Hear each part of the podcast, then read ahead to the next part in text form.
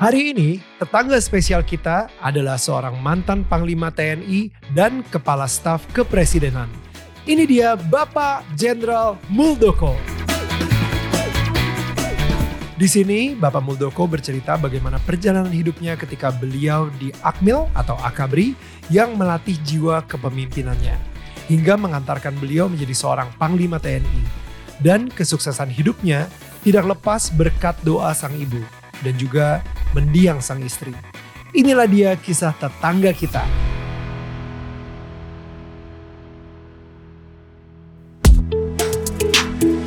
Hai, ini gua Daniel, tetangga kamu. Di sini gua akan ngobrol dengan tetangga gua tentang perjalanan hidup mereka dari kacamata spiritual di saat mereka mengalami situasi tidak pasti dan kekhawatiran sampai bisa kembali bangkit menjadi orang yang lebih kuat dari sebelumnya. It's gonna be very exclusive and inspiring. Hai semua tetangga-tetangga yang gue sayangin dan gue cintain. Well, kembali lagi di Daniel Tetangga Kamu. Dan seperti biasa gue pengen ingetin kepada kalian semua. Kalau kalian pengen nge-support kita dan channel Youtube kita, langsung aja bisa klik subscribe. Atau kalian bisa uh, klik super thanks, itu udah ada juga di situ. Atau kalian bisa beli merchandise kita. Kita ada official merchandise. Ini seperti um, hoodie yang sekarang ini saya lagi pakai. Dan um, langsung aja di sini ada QR code. Dan kalian bisa membeli langsung dari uh, QR code di sini atau cek ke toko online kesayangan kalian langsung search DMN official merch. Anyway, sekarang kita sudah kedatangan seorang tetangga yang sangat saya hormati dan ini sebuah kebanggaan banget buat uh, kita bahwa beliau bisa menyempatkan diri untuk datang ke sini. Beliau adalah kepala staf kepresidenan. This is Bapak Jenderal Muldoko. Wow, selamat Selamat sore Pak. Wah ini Selamat sore Mas Daniel. Ya. Kehormatan banget Pak. Wah Bapak mau mampir ke tempat kita. Ya. Kita ngobrol-ngobrol. Hmm. Dan um, Pak Mul ini um, kalau saya baca-baca pengalaman hidupnya Pak. Ini benar-benar dari kecil hmm. sampai kecil tuh kayaknya um, apa ya. Orang mungkin gak ngira kalau misalnya dengan background uh, Pak Muldoko bisa sampai di tahap seperti ini itu luar biasa banget Pak. Kayak wah um, saya sendiri juga terpukau banget sih nge, hmm. nge, ngebaca tentang cerita hidup Bapak juga gitu. Iya iya. Ya, boleh ceritain gak dari Pak Muldoko sendiri gitu waktu kecilnya Bapak sendiri itu adalah petani atau gimana Pak? Saya pikir saya sendiri orang tua saya sendiri juga nggak nggak nyangka lah. Iya. Muldoko bisa sampai uh, jadi panglima TNI itu ya. Hmm. Karena kita kan sadar ya, saya dari mana sih gitu. Kalau Mas melihat kampung saya waktu itu ya, itu kayaknya sulit ya mau berkembang ya. Hmm. Bayangkan di di kampung saya itu yang SMP itu hanya tetangga saya satu, kakak saya satu, saya. Wow. Terus ada satu lagi, senior saya udah SMA. Hmm. SMA pun dari kampung saya yang satu itu. Tuh, dari lingkungan aja sudah kayaknya nggak mungkin deh nggak mendukung ya. Mm-hmm. Terus yang kedua dari sisi kehidupan orang tua saya sendiri yang waktu itu dengan jumlah anak yang 12 ya. Saya anak terakhir. Itu biasanya Pak, mm. sorry sorry saya potong mm. gitu ya. Biasanya kalau misalnya jumlah anaknya 12 Pak, emang sepi banget ya tetangga ya, jadi nggak ada kerjaan. ya saya pikir apa dengan saya anak yang terakhir kalau bahasa Jawa tinggal intipnya doang lah gitu. udah udah orang tua nggak ada apa-apanya begitu ya. Iya iya gitu. iya. Ya. Tapi dengan susah payah yang seperti itu, saya justru tumbuh keinginan ya, hmm. keinginan untuk merubah merubah lingkungan keluarga saya dan khususnya merubah hidup saya ya. Hmm. Um, saya waktu itu uh, ada taruna yang lewat kampung saya itu ya mungkin pacaran gitu ya. Mm-hmm. Dengan naik Vespa saya ingat uh, saya punya keinginan, wah ini keren banget gitu ya. Waktu itu masih SD ya. Itu ceritanya sih. Waktu di dapur saya bicara sama ibu saya, aku pengen seperti dia. Hmm. Tapi ibu saya karena buta huruf, apa ya kue sotole gitu. Maksudnya apa ya kamu bisa gitu. Tapi itu saya pikir ya wajar karena memang orang tua kan memahami ya hmm. siapa sih kita itu gitu. Hmm. Jadi um, udahlah mimpi nggak usah ketinggian lah yeah, gitu ya. Yeah. Bah, padahal itu cuma ngelihat Taruna saja gitu ya, yeah. bukan ngelihat Panglima TNI-nya. Yeah. Ngelihat Tarunanya aja udah udah taruna. usah mimpi ketinggian. Gitu. Karena kan waktu itu juga media belum ada mas ya. Hmm. Media buru-buru TV, radio aja kita nggak punya. Wow. Gitu aja. Tapi ada saudara saya yang punya radio. Uh, saya memang dari kecil sudah suka dengerin radio Australia gitu ya. Oh. Kan bahasa Indonesia ya, tapi yeah. radio Australia. Oke. Okay. Sehingga uh, banyak pengetahuan pengetahuan-pengetahuan yang mulai memang mulai saya dapatkan dari kecil ya. Oke. Okay. Oke, okay. saya penasaran uh, ayahnya Muldoko sendiri itu kerjanya apa ya saat itu? Ayah saya itu Jogoboyo ya, Jogoboyo itu perangkat desa ya. Ada lurah, ada cari. Okay. Kalau cari itu sekarang sekretaris desa lah ya. Hmm. Nah, ayah saya itu Jogoboyo itu tugasnya itu menjaga keamanan desa gitu. Oke, okay. hmm. oke. Okay. Ya, menjaga bahaya Jogo Jogoboyo itu. Oh, berarti Jogo memang itu menjaga Boyo itu bahaya. Nah, bahaya. So, berarti emang dari dulu tuh uh, udah ada mungkin itu kali ya um, DNA-nya mungkin DNA-nya gitu. Iya. menjaga menjaga kalau misalnya ada bahaya atau yeah, apa pun yeah, gitu kan. Yeah, gitu. Right. Yeah. Nah, um, saya sekarang saya pengen pengen nanya ini dari dari masa kecilnya uh, Pak Muldoko sendiri, hmm. ada nggak sih prinsip-prinsip dari orang tua atau nilai-nilai dari orang tua yang um, Pak Muldoko itu sampai hari ini masih sangat ingat dan masih pegang teguh? Ya um, ada nilai-nilai uh, itu biasanya kita uh, ada waktu-waktu tertentu makan sama orang tua. Hmm. Nah di situ ditanamkan persoalan-persoalan kehidupan ya. Oke. Okay itu tanamkan masalah tata krama, ditanamkan masalah eh, penghormatan, berikutnya juga eh, persoalan keimanan ditanamkan pada saat-saat kita sama orang tua begitu ya. Hmm. Tapi yang eh, saya masih ingat adalah bagaimana orang tua saya itu menanamkan keberanian ya. Seperti apa? Yang dalam sebuah kesempatan sering cerita bahwa kalau oh, apa keluarga dulu itu keluarga-keluarga yang pemberani gitu. Dulu kalau kakek kita itu saudara buyut-buyut kita itu pernah suatu saat dalam uh, dikejar oleh Belanda katanya dia lompat ke laut atau muncul di sebelah gitu. Wow. Nah, cerita-cerita memotivasi sebenarnya bagaimana kita menjadi orang itu harus berani. Gitu. Hmm. Karena saya ngerasa ada sebuah bukan cuma motivasi tapi mungkin ada sebuah nilai yang dibawa oleh uh, Pak Muldoko pas masih muda untuk sampai akhirnya sampai jadi Panglima TNI. Um, mungkin di sekolah tersebut yang saya lihat kan um, di tadi, Akademi Militer sendiri hmm. katanya itu Pak Muldoko tidur paling malam karena harus belajar dan lain-lain, bangun paling pagi gitu. Nah, kenapa ada motivasi seperti itu? Ya mungkin sebagian besar dari teman-teman saya karena hidupnya teratur ya. Mm-hmm. Mungkin ada yang dari orang kaya, dari hidupnya sudah mapan, begitu masuk akabri ya, akademi militer waktu itu ya. Mm-hmm. Um, mungkin tersiksa ya Hmm. Itu ya karena ketatnya begitu diatur serba disiplin dan seterusnya. Tapi bagi saya karena udah biasa hidup seperti itu apa ngalamin hidup di akademi militer enjoy gitu. Malah senang gitu. Malah senang. Makannya teratur. Eh, semuanya sudah teratur kan ya. Eh, kita kuliah nggak nggak di luar nggak bisa. Eh tahu di Akabri ada kuliah, ada matematik, iya. ada diferensial integral gitu dan wow. seterusnya. Saya memang mulai awal berposisi menyiapkan diri memang untuk menjadi yang terbaik ya. Hmm. Bukan kebetulan memang saya menyiapkan diri sorry, boleh uh, artinya apa tuh? Sudah menyiapkan diri untuk menjadi posisi yang terbaik. Ya. Itu artinya apa tuh? Jadi di Akabri itu setiap orang yang berprestasi maju ke depan. Oke. Okay. Dilantik, dia sebagai perwakilan. Hmm. Nah dari situ, uh, wah saya juga pengen seperti dia.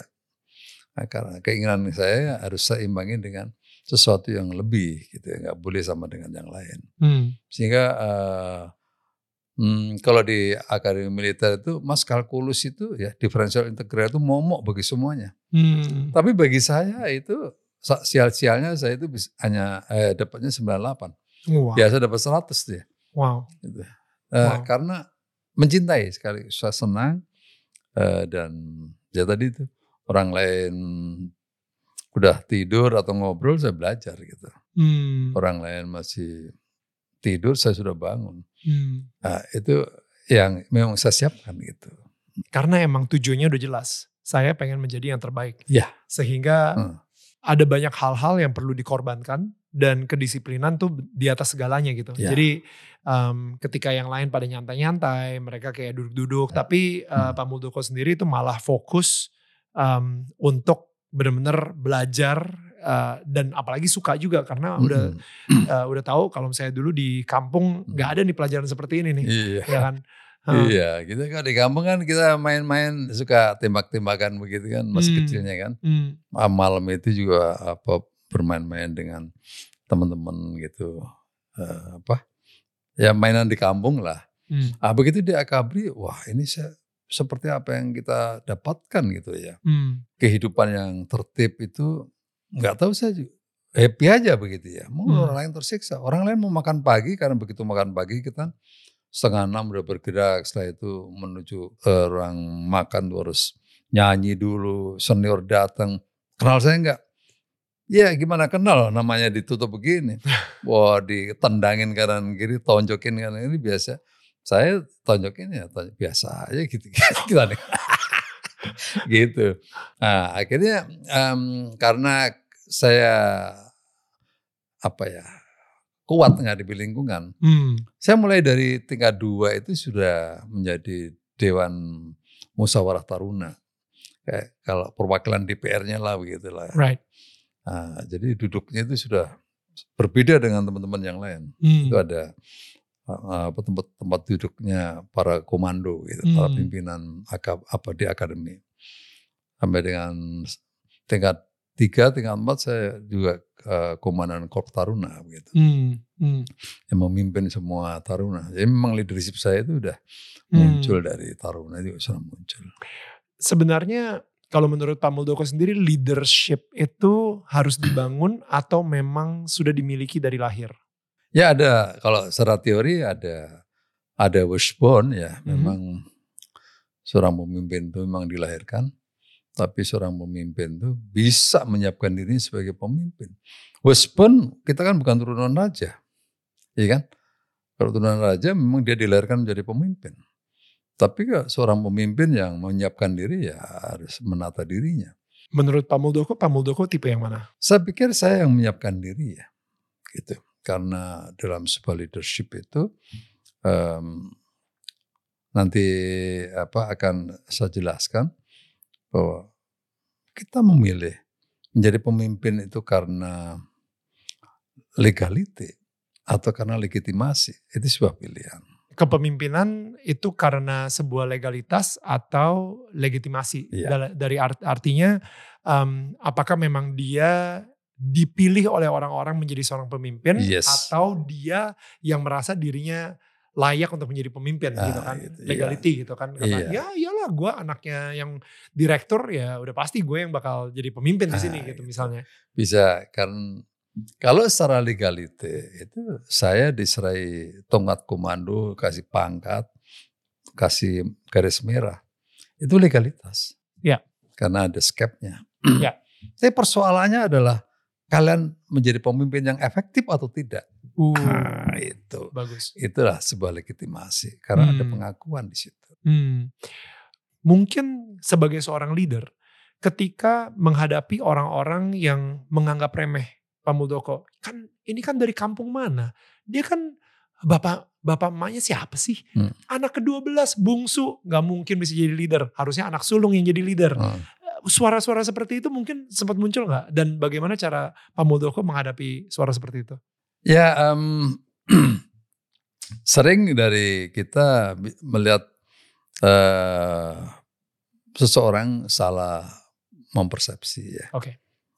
Yang perlu kita tunjukkan adalah kinerja, performance. Hmm. Performance as a personal, personal yep. as a leader.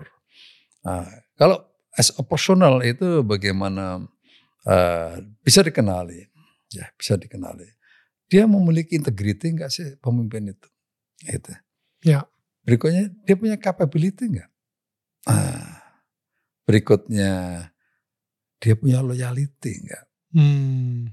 Terus yang ke keempat itu acceptability. Hmm. Dia diterima enggak oleh lingkungan itu? Hmm. Gitu. Jadi seorang pemimpin yang enggak bisa kepegang ucapan dan tindakannya pasti akan followernya akan ragu-ragu begitu. Ya. Betul. Begitu pemimpin yang uh, ternyata tidak memiliki kapasitas yang kuat, apalagi dihadapkan dengan beban yang yang uh, sesuai dengan tahapannya, maka dia akan fail dalam bekerja, hmm. dalam menjalankan tugasnya. Hmm. Berikutnya seorang pemimpin yang tidak loyal, loyalty. Loyalty kepada siapa? loyalty yang tertinggal kepada negara. Tapi kalau kita dalam sebuah organisasi, loyalty berikutnya adalah kepada organisasi. Betul. Ah, gitu. Jadi kalau kita memiliki loyalty yang kuat, maka pasti orang ini akan dipilih. Hmm. Pasti dia akan dipilih. Karena tidak ragu-ragu gitu. Um, saya pengen belajar justru bukan dari kesuksesan seorang leader, tapi dari kegagalan seorang leader. Yeah. Um, di zaman itu pernah nggak Pak Muldoko sempat mengalami sebuah kegagalan dalam leadership dan di situ justru Pak Muldoko menjadi pelajaran hidup yang berharga banget? Um, um, pernah ya um, suatu saat memimpin uh, apa itu tidak sesuai target ya. Tidak sesuai target. Nah, hmm. sesuai target. Um, berikutnya saya memimpin anak buah meninggal di daerah operasi.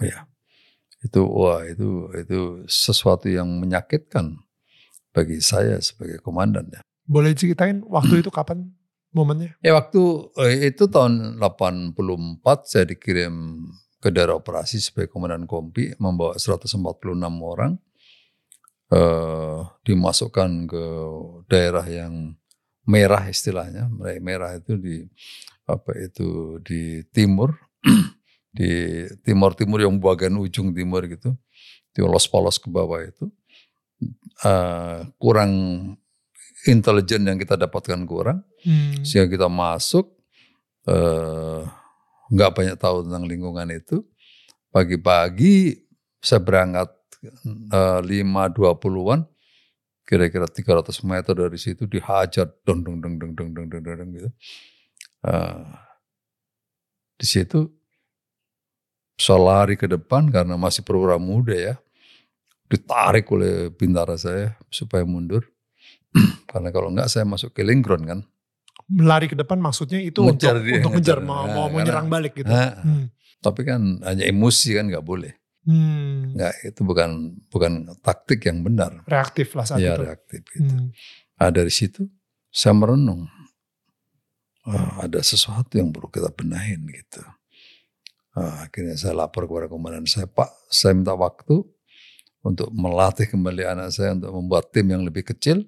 Tolong saya dia siapkan perlengkapan sehingga uh, saya lebih siap. Apa lebih hmm, saat tim-tim kecil gitu lebih sulit dikenali lawan begitu. Nah, saya minta waktu di semuanya di diiyain oleh komandan saya. Pak, saat mulai saat itu saya hampir tiap hari kontak gitu, dak dak dak dak gitu. Tapi, Memang saya mencari kontak, saya kejar betul itu. Tapi uh, kehilangan salah satu. Ya, kehilangan tiga prajurit itu sungguh sebuah pengalaman yang sangat tidak enak. Pertama kali itu berarti? Iya. Hmm. Dan yang tersulit bagi saya adalah menyampaikan kepada keluarganya. Itu sesuatu yang sungguh sampai sekarang apa menjadi beban ya. Hmm. Gitu. Saya ngerasa pasti semua leader tuh pernah mengalami kegagalan, udah ya. pasti. Tapi yang membuat dia adalah seorang leader yang baik atau buruk, bagaimana cara dia menanggapi kegagalan tersebut. Ya. ketika Pak Muldoko bilang barusan um, saya tetap bertanggung jawab dan saya tetap menyampaikan uh, kepada keluarganya itu ya contoh seorang leader yang sangat baik menurut saya gitu. Um, apa pelajaran yang bisa dipetik dari situ untuk um, berikutnya gitu kalau dari Pak Muldoko sendiri? Ya um, itu pelajaran uh, bagaimana sebenarnya leadership itu teruji di lapangan ya. Uh, terlalu mudah kita menjadi pemimpin yang di darah damai. Ya, tapi begitu kita ada pada kondisi real di lapangan dengan berbagai tantangannya, itu tidak mudah. Nah, yang lebih penting lagi bagi kita, bagi pemimpin adalah selalu mengevaluasi. mengevaluasi diri, mengevaluasi organisasi. Karena apa? Karena tantangan yang selalu berubah dalam konteks yang kekinian itu kalau kita nggak adjustment dengan cepat maka kita akan tergilas. Ya. Itu dalam konteks future-nya ya. Tapi pelajaran-pelajaran dari apa yang terjadi itu adalah kita harus segera melakukan sesuatu. Hmm. Hmm. Kalau enggak bisa-bisa fail lagi, bisa-bisa korban lagi, bisa-bisa uh, hasilnya tidak optimal gitu. Um, bagaimana perjalanan dari tadi um, setelah sampai akhirnya menjadi panglima TNI. Kalau kalau boleh tahu, sorry, panglima itu um, kan kan ini sebuah kayak impian banget gitu ya dan ini uh. sebuah jabatan yang luar biasa.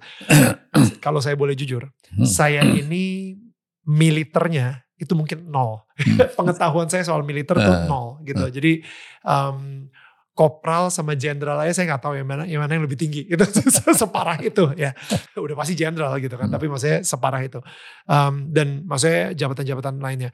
So boleh diceritain nggak kenapa sulit banget untuk mendapatkan panglima TNI sulit sekali untuk seseorang tuh menjadi panglima hmm. TNI dan um, perjuangan atau pengorbanan seperti apa yang Pak Muldoko lakukan supaya bisa sampai menjadi panglima TNI Ya, ya pasti sulit mas ya, karena Panglima TNI satu-satunya ya. Oh, di tahun itu atau Enggak, di... di, di, di TNI kan satu, ya satu Panglima TNI kan. Oke. Okay. Berikutnya di bawahnya ada Kepala Staf Angkatan ada tiga. Oke. Okay. Kepala Staf Angkatan Darat, Angkatan Laut, Angkatan Udara. Ah, iya, iya, iya, iya. Topnya Panglima TNI. Ah. Sehingga memang tidak mudah menjadi ke sana. Hmm. Karena persyaratannya menjadi Panglima TNI harus jadi Kepala Staf Angkatan. Hmm. Itu undang-undangnya seperti itu. Dari angkatan darat dulu berarti? Ya, bisa darat, bisa laut, bisa udara. Untuk ya. Pak Muldoko? Nah, saya darat memang. Betul. Ya. Pertanyaannya, kok bisa ya Pak Muldoko bisa menjadi sampai dengan Panglima TNI? Nah, saya pikir itu doa ibu saya ya. Oke. Okay. Jadi suatu saat uh, saya kolonel, hmm, kolonel menjadi bintang itu belum tahu kapan itu. Oke. Okay. Saat ibu saya, mul, aku udah pengen mati. aku udah gak tahan. hmm. Waduh. Terus saya bilang, eh, jangan dulu bu. Ojo disi, ojo disi itu bahasa Jawa. jangan dulu. Kenapa? Tunggu saya jadi panglima. Masih lama. Saya nggak ngerti. Saya masih lama, masih kolonel. Dia ntar pulang lagi cuti, bisa enam bulan cuti lagi, tanya lagi ibu saya. Iya mul, gimana mul? Aku udah gak tahan. Saya gitu lagi, jangan dulu, tunggu. Sampai saya panglima. Ah, suatu saat saya uh, jadi, ini real loh mas, real. Iya. Cerita, ya. bener-bener cerita ya. Suatu saat saya menjadi panglima divisi satu kosrat ya. Hmm. Uh, ya dua minggu dari itu saya dapat kabar ibu saya meninggal gitu. What? Um, saya waktu itu ngomongnya tunggu saya jadi panglima. Saya tidak bicara tunggu saya jadi pangdam, saya tidak bicara tunggu saya jadi panglima divisi enggak. Tapi bahasa saya tunggu saya saya jadi panglima. Ya mungkin doa ibu saya itulah yang mengantarkan saya menjadi seorang panglima TNI ya. Wow. Walaupun uh, saya juga apa tadi itu saya setiap dalam bekerja itu selalu mengutamakan nomor satu. Saya nggak mau ingin eh, nggak uh, mau jadi orang nomor dua nggak mau. Dalam setiap kesempatan apa pun saya ingin menjadi orang nomor satu dalam bekerja ya. Hmm. dalam perlombaan, wah saya akan kejar habis harus nomor satu. Sehingga uh, orang mengenal gitu siapa Muldoko itu. Karena di, di angkatan darat semua kenal. Gitu. Orang nggak akan pernah ingat siapa yang nomor dua. Iya. Mereka hanya ingat hmm. siapa yang nomor satu gitu. Ya, itu hmm. sih. Nah, saya sekolah juga begitu. Saya taruna nomor satu ya di Makassar. Berikutnya saya sesko angkatan darat nomor satu ya. Saya sesko TNI nomor satu di bidang tulisan militernya. Karena waktu itu ada senior saya ya, saya mengalah. Berikutnya Lemhana saya juga nomor satu. Itu. Hmm. Jadi memang saya ingin apa bekerja yang yang terbaik gitu. Ini ada hubungannya sama Pak Muldoko anak ke-12 gak sih? jadi anak paling bungsu, anak umur apa, anak ke-12 gitu kayak nggak aduh harusnya gue lahir jadi anak pertama bukan yeah, anak ke-12. Harusnya harusnya anak terakhir manja-manja ya. ya iya, kenapa kenapa jadi pengen nomor satu terus gitu sebagai anak bungsu gitu. Saya udah nggak ada yang dimanjakan lagi. udah gak ada muda lagi gitu. Orang tahu mau manjain saya kan gak ada lagi gitu. Tapi um, iya, kenapa motivasi supaya Pak Muldoko sendiri pengen banget jadi nomor satu? Karena untuk saya, saya sendiri sebenarnya uh, mempunyai ambisi juga hmm. pasti. Contoh dalam bidang maraton saat hmm. ini, saya pengen banget jadi nomor satunya gitu. Yeah. Jadi pokoknya di antara artis-artis gue harus jadi artis paling cepat untuk lari maraton. Yeah, yeah, seperti yeah, itu. Udah okay. ada ada ambisi ke situ hmm. gitu. Um, kenapa? Karena ya emang bener hmm. nomor duanya kita nggak akan ingat. Nomor satu yang diingat yeah, gitu. Yeah. Tapi untuk menjadi nomor satu pengorbanannya itu mati-matian banget. Yeah, bener. Pengorbanannya capek banget. Saya bukan bukan cuman yang dites itu bukan cuman soal fisiknya ya, tapi secara mental hmm. um, itu bener-bener aduh eh, kadang-kadang tuh ini ini worth it gak sih? Ini ini semuanya worth it gak sih ya untuk saya perjuangkan gitu. Hmm. Kalau Pak Muldoko sendiri kenapa pengen mati-matian harus nomor satu dan pengorbanan apa aja tuh? Ya um, kebetulan saya jadi prajurit, menurut saya sih tanggung ya. Hmm. Kalau uh, saya bekerja tanggung juga capek ya. gitu. Saya bekerja keras capek juga, sama hmm. capeknya. Itu. Tapi saya juga punya kunci ya jadi kunci saya tadi mas, orang lain masih tidur saya sudah bangun. Wow. Orang lain bangun saya sudah lari. Hmm. Orang lain lari saya sudah makan pagi. Ah gitu kira-kira. Wow. Itu ya. istilahnya. Ya, ya, ya, ya. Istilahnya bahwa kita itu harus selalu mendahului. Kerja jauh lebih uh, banyak, um, kerja keras dua kali lipat kalau bisa ya. gitu ya. Bukan hanya secara fisik tapi secara ilmu. Orang hmm. lain baca satu buku, kita baca lima buku. Gitu. Wow. Sehingga itu akan muncul pada saat kita di forum-forum tertentu kita berbicara itu kualitas seseorang hmm. akan ketahuan karena hmm. dia banyak memahami banyak hal gitu. Ya, ya. Worth it gak sih yang saya perjuangkan itu? Bagi bagi semua orang tidak ada perjuangan yang sia-sia. Gak ada yang sia-sia. Uh, mungkin kadang-kadang kita tidak tahan dengan apa yang kita perjuangkan. Karena banyaknya tantangan, banyak masalah. Tapi saya juga ingin menegaskan, ya kita menjadi orang harus memiliki cita-cita. Setinggi langit orang bilang ya. Cita, ya. Bangunlah cita-cita setinggi langit. Tapi tidak cukup dengan cita-cita. Cita-cita itu harus diperjuangkan. Hmm. Ya gitu. Perjuangan cita-cita itu tidak mudah karena kita mau bangun pagi mau olahraga atau mau belajar membaca aja mungkin banyak tantangannya kan gitu. Ya. Tapi kalau di tentara itu asas asas serangan, asas tujuan itu tempatkan di nomor satu. Hidup juga begitu. Begitu kita menentukan sebuah tujuan, maka apa pun yang terjadi ya itu harus kita tahan ngadepin hmm. sebelum tujuan itu tercapai. Gitu. Hmm. Gitu. Itu memang kita tentara khususnya dibangun untuk itu. Jadi kalau tujuan saya begini, ya harus diperjuangkan hmm. habis-habisan. Hmm. Gitu. Um, maksud saya kita banyak banget, termasuk saya kadang-kadang ada beberapa uh, faktor dalam hidup saya yang saya ngerasa udahlah cukup sampai sini aja. Hmm.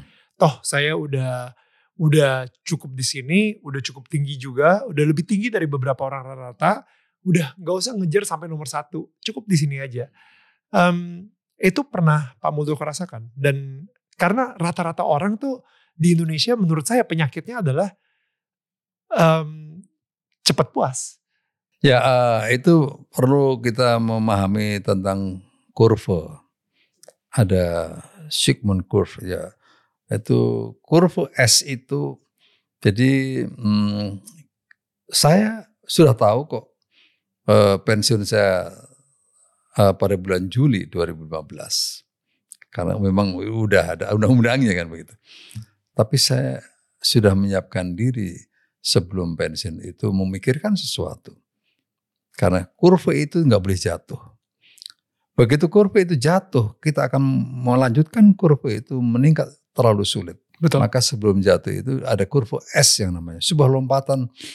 Walaupun itu dalam konsep, karena waktu itu saya masih dinas, nggak boleh melakukan bisnis boleh ini. Tapi saya sudah punya konsep bagaimana nanti saya ke depan menyiapkan itu dengan hmm. baik. Nah, itu saya lakukan. Hmm. Jadi nggak boleh seperti itu merasa ah, sudahlah cukuplah gitu.